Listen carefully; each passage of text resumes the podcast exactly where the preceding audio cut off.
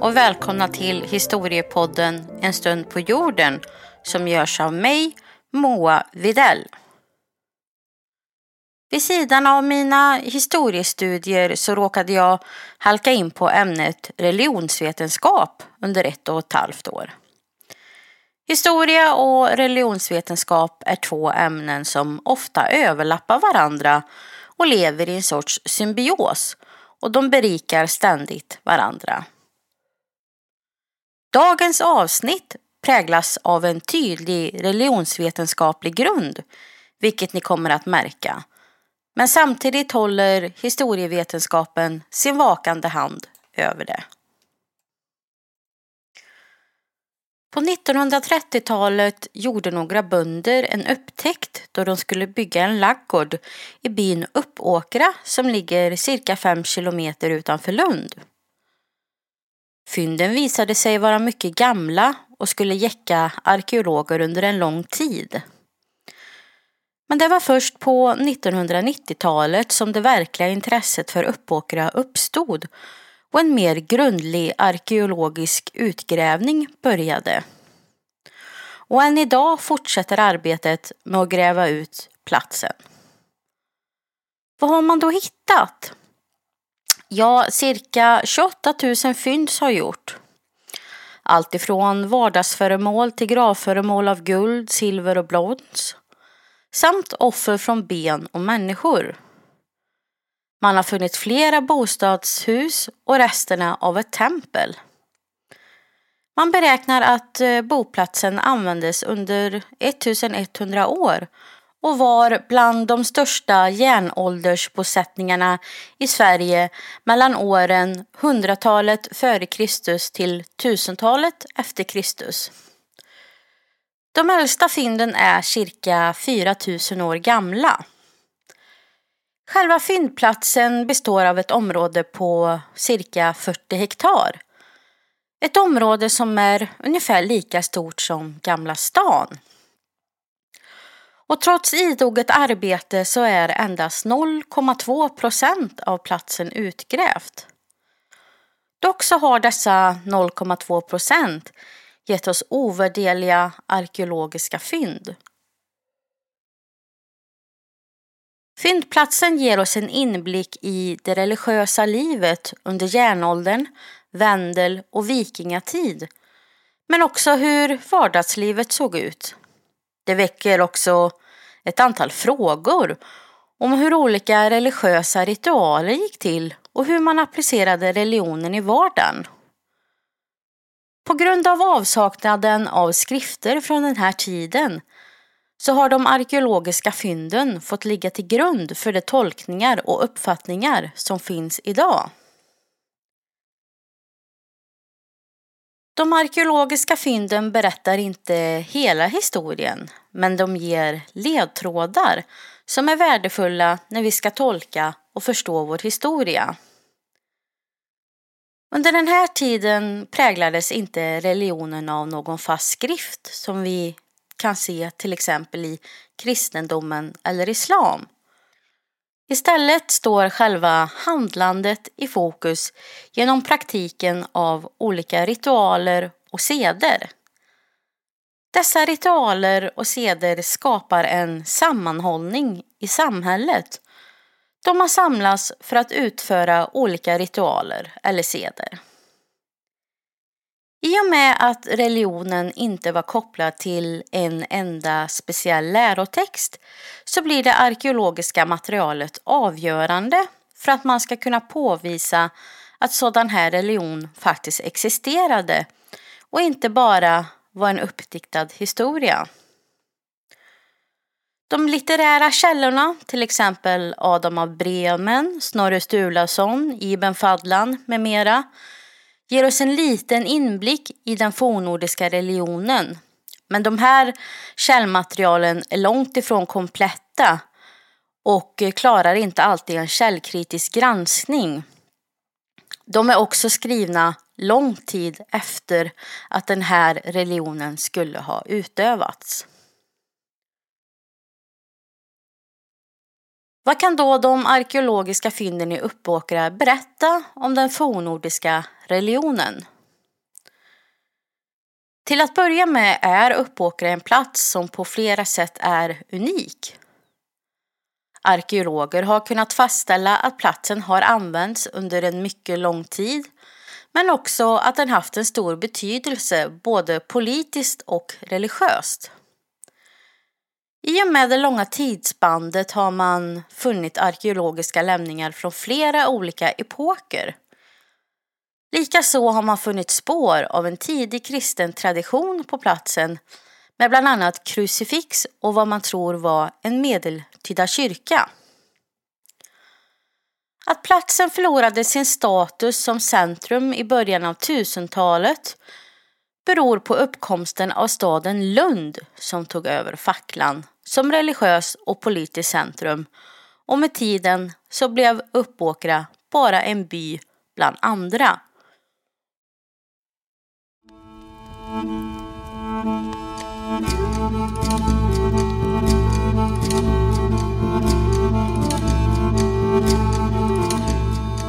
Hednatemplet och dess innehåll, blot och riter. Ett arkeologiskt fynd som verkligen står ut bland mängden är resterna av ett så kallat hednatempel.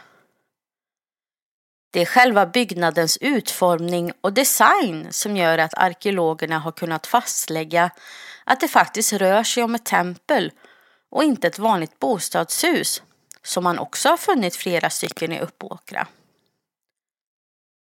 Templet är uppbyggt med två par takbärande stolpar i mitten av huset för att hålla upp taket. De här var väldigt breda stolpar och arkeologerna tolkar detta som att huset måste haft en hög höjd. Likaså följer de fyra hörnstolparna som också ska ha varit mycket stora. Men det är inte bara husets utformning som har lett till att arkeologerna och forskarna klassar den här byggnaden som ett tempel. För bara den informationen skulle inte räcka till vid en vetenskaplig granskning. Stärkandet av att just detta hus ska ha använts som ett kulthus eller tempel finns under jorden. När arkeologerna grävde sig ner genom kulturlagren gjorde de flera fynd som kom att stärka deras tes. Man fann att en eldstad stått i mitten av huset. Man fann dyrbara dryckeskärl och vad man tror är en avbildning av den enögde guden Oden. Här fann man också guldfigurer, glas, keramik och silver, stora cirkelformade dörrslag. Ja, flera tusen fynd hittades. Och alla fynd har sin egen historia och funktion. I tempelbyggnaden har man också funnit flera fynd av guldbläck. De här guldbläcken tror man har haft en speciell betydelse man tror att de kan ha suttit på de fyra hörnstolparna som en sorts dekoration, men att det också har en religiös betydelse. Guldbläcken är utsmäckade med olika bilder. Dessa bilder tror man kan föreställa olika gudar som till exempel Oden och Frej. Och att de är uppsatta i templet visar på att de var väldigt viktiga i olika religiösa riter då man ville åberopa gudarnas närvaro eller krafter. Men de kan också föreställa högt uppsatta personer i samhället. Likaså har själva materialet guld en betydelse. Det var ett värdefullt material som krävde en hantverkarkunnighet. Och dessa guldbläck är omtänksamt snidade eller utskurna och var också ett tecken på rikedom och status. Något som var viktigt i Uppåkra där flera dignitärer både av politisk och religiös sort sägs ha funnits. Arkeologerna tolkar således dessa fynd som en tydlig indikation på att kulthuset var just ett tempel. Och med dessa vackra och symboliska guldbläck fick huset en speciell status.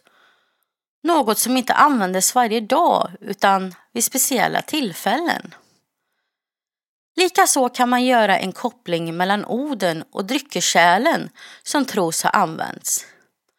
Inom Odenkulten var just sejden och drickandet en viktig komponent. Vad kan då ha förekommit för riter i templet? Rent arkeologiskt är det svårt att få någon fullständig förklaring till dess funktion. Dock hänvisas man till den kontext och övrig historisk forskning som finns angående liknande byggnader. Som jag nämnt tidigare var det här ett speciellt hus där händelser inom den offentliga kulten skedde. Såsom blot. Blotet innebar att man offrade till gudarna för att få hjälp med olika saker i livet. Man kunde också markera olika årstidsskildringar. Ofta så bestod offret av ett blodsoffer. Man slaktade ett djur, tog en del av djurets blod och fett för att sedan stryka det över guldbläck, över gudafigurer eller något annat föremål som man ansågs vara symboliskt för gudarna. Och det här är något som arkeologerna kan stärka med fynd ifrån Uppåkra. Man har funnit flera skelett från boskap och också från människor som man tror har använts i dessa riter. Dock så vill arkeologerna inte lägga någon större vikt vid människooffer då den delen är svårt att styrka rent historiskt.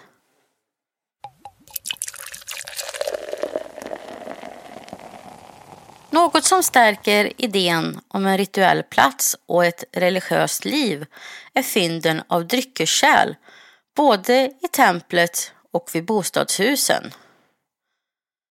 Under Vendel och vikingatiden var det vanligt att man vid olika sejder och blod drack mjöd och öl. Något som på den här tiden var en dryck som man inte intog varje dag. Den var avsedd för större sammanhang och festligheter. Just drycken var på många sätt viktig i det religiösa livet.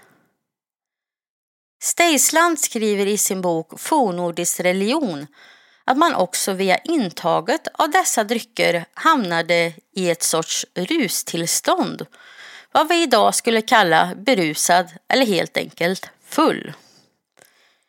Kroppen och sinnet förflyttades från det dagliga livet och vissa ansåg sig till och med komma i kontakt med gudavärlden.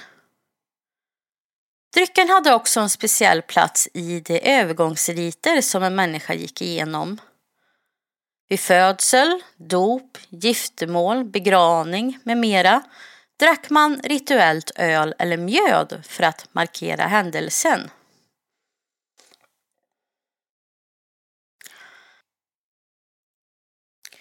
Att man funnit flera utsmyckade dryckeskärl i Uppåkra stärker tesen att man kopplade drycken till just ett rituellt och religiöst handlande. Dessa dryckeskärl var inte heller något som användes till vardags. Uppåkra var ett politiskt maktcentra med många rika invånare. Därför är det inte konstigt att man till exempel funnit dryckeskärl som är mycket dyrbart utsmyckade och utformade också i bostadshusen. Bland annat har man funnit flera sådana som är importerade från romarriket och andra länder. Det här tydde på ett stort välstånd och kontakt med andra länder. Att man funnit sådana här kärl i husen berättar en historia om dryckens betydelse. Dels för större tillställningar men också för de övergångsriter som alla människor genomgick i livet.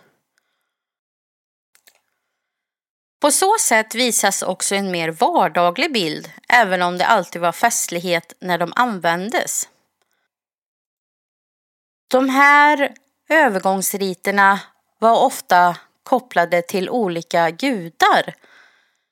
Men ibland så kunde till exempel en norna eller nornorna vara kopplade till den religiösa riten och åberopas för att hjälpa eller få stöd i livet.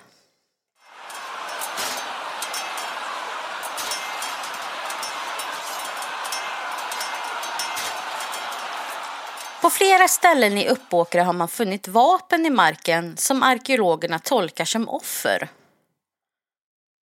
Vapnen består av pilar, svärd, spjut med mera. Anledningen till att de ser det här som vapen som offer består av att de flesta är fördärvade eller härjade på något sätt. Det här skulle vara en rituell handling där man förstörde vapnen och sedan offrade dem till olika gudar.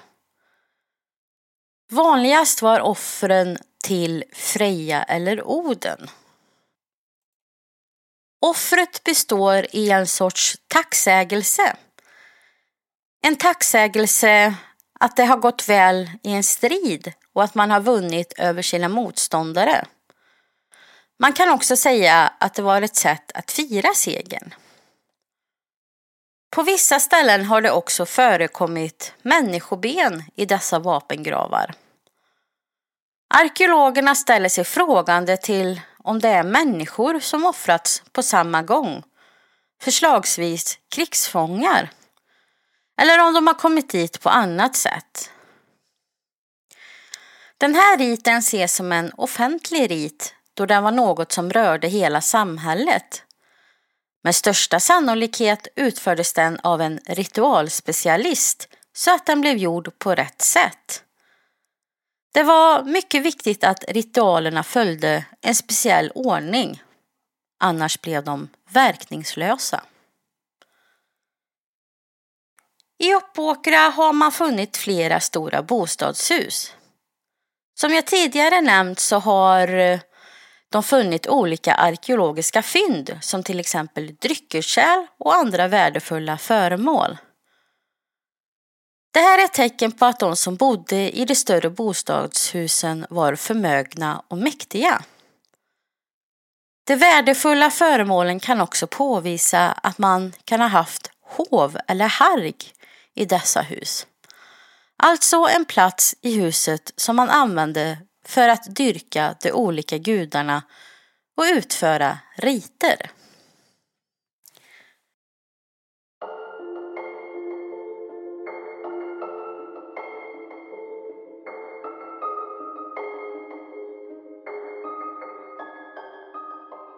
Nu ska vi prata om några andra viktiga fynd i Uppåkra.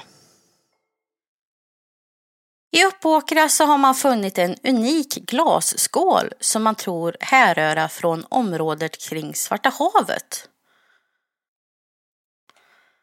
Anledningen till att arkeologerna kunnat placera dess geografiska ursprung beror på att en speciell teknik används vid tillverkningen.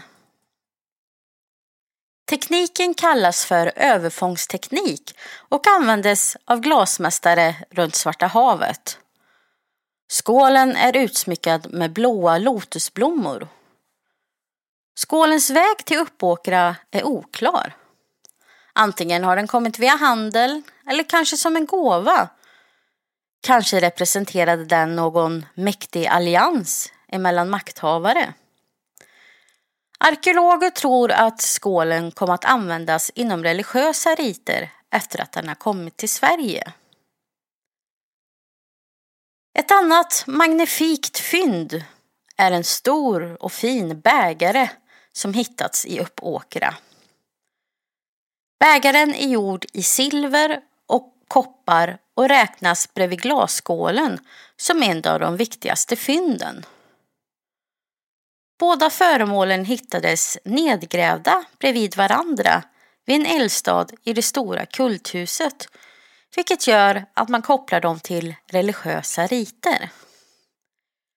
Silver och bronsbägaren är klädd med guldbläck som föreställer människor och djur. Stilen går att koppla till Skandinavien på 500-talet efter Kristus men man vet inte exakt var den tillverkats någonstans. Vissa tror att den kan vara gjord i Uppåkra. Det skulle i så fall visa på den gedigna hantverkskonsten som visats där via andra föremål. Hi everybody, it's me, Mickey Mouse. Vad gör Musse Pigg i Uppåkra? Det antagligen mest kända fyndet från Uppåkra är en figur som har en slående likhet med den älskade Disney-karaktären Musse Pigg. Dock så är historien inte lika spektakulär som man hade önskat.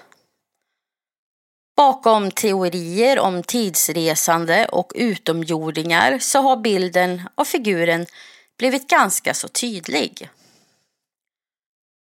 Föremålet är i verkligheten ett dräktsmycke som gjorts i Uppåkra. Föremålets konstiga utseende härleds till att den som gjort smycket nog försökt fått den att likna ett lejon. Och anledningen till att det ser så konstigt ut är att personen i fråga aldrig verkar ha sett ett riktigt lejon utan har fått göra sitt bästa utifrån fantasin och kanske någon muntlig beskrivning. Smycket dateras ungefär till 900-talet efter Kristus och tros vara en tidig kristen symbol. Historien om Uppåkra är långt ifrån slut, även om jag väljer att sätta punkt här. Listan över fynd som gjorts i Uppåkra skulle kunna ta upp program efter program och det görs ständigt nya. Varje sommar görs nya utgrävningar och tusentals turister strömmar till platsen för att få guidade visningar. Så sent som 2019 hittade en 11-årig flicka en 2100 år gammal mjölktand. Fyndet räknas som den första mänskliga kvarlevan från järnålderns tidigaste period. År efter år läggs fler bitar i det enorma pussel som Uppåkra är och frågan är om det någonsin kommer att bli komplett.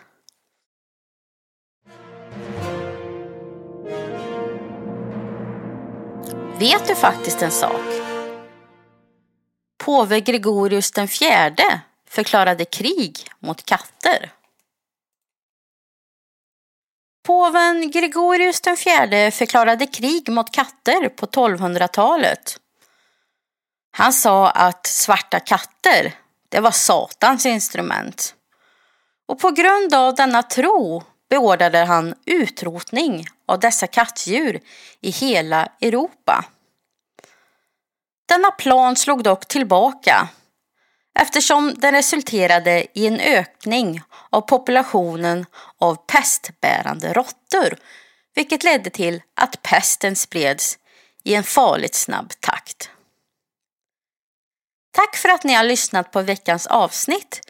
Jag vill önska er alla en fin andra advent och hoppas att vi hörs snart igen.